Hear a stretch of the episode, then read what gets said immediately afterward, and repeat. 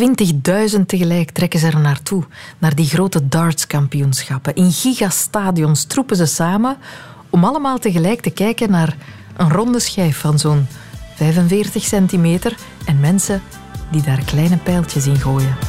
En als ze dat goed doen, dan wordt de massa zot.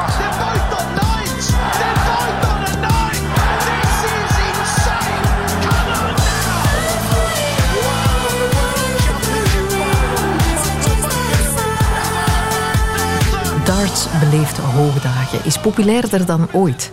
Maar waar is dat eigenlijk allemaal begonnen?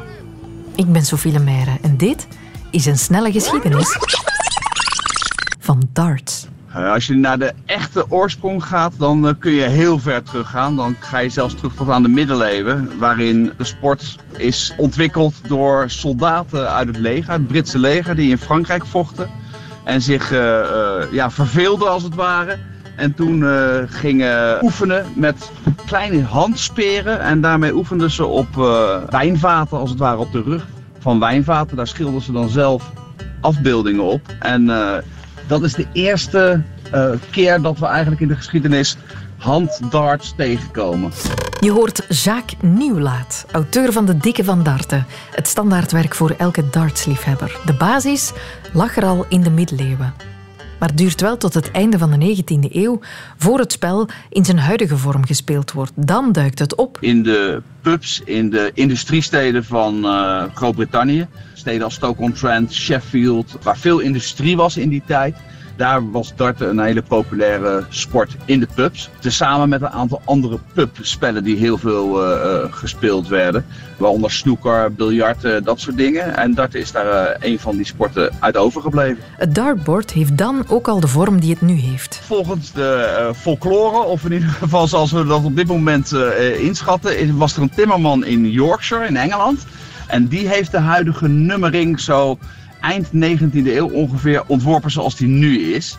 En dan zie je dus ook dat de nummering uh, niet op volgorde is. Het dartboard kent 20 getallen. Het is niet van 1 tot 20 op een rij. Mhm. Maar naast ieder hoog nummer zit ook een laag nummer bijna automatisch. En dat zorgt er dus ook voor dat het geen kansspel is, maar dat het wel degelijk kunde behoeft. Dat ligt trouwens in de Britse wet vastgelegd dat darts een sport is. Dat staat zo. Eind 1920, begin 1930 ongeveer dan is er een uh, grote rechtszaak in Engeland. Waarin de staat beweert dat darten een spel is, een kansspel met name. En kansspelen mochten niet in de Britse pubs. Maar er waren darters die dat betwisten. En uiteindelijk is er een rechter uh, van het Hoge Hof in Engeland naar een pub toegegaan. Die heeft zelf gepoogd te darten en dus te raken uh, waar hij op mikte. En hij dacht, hè, met kans zou hij dat dus moeten kunnen raken. Hij was daar niet toe in staat. En een darter, die bleek dat wel te kunnen. En toen is besloten door het hoogste Engelse hof dat darten wel degelijk een sport is en geen kansspel. En zo konden ze hun pijltjes blijven gooien in de Britse pubs en groeide darts uit tot de cafésport bij uitstek in Engeland, die nog eens een stevige boost krijgt in de jaren 70. En je ziet dat in Groot-Brittannië de BBC de pubgames op tv begint te brengen.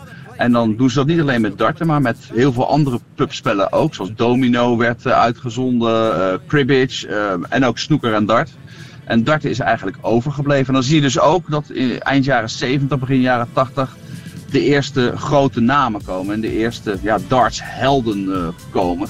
En vanaf dan begint de sport echt te professionaliseren met chique toernooien in chockvolle arena's, superhelden en torenhoge prijzen gelden. Bullseye. Yes!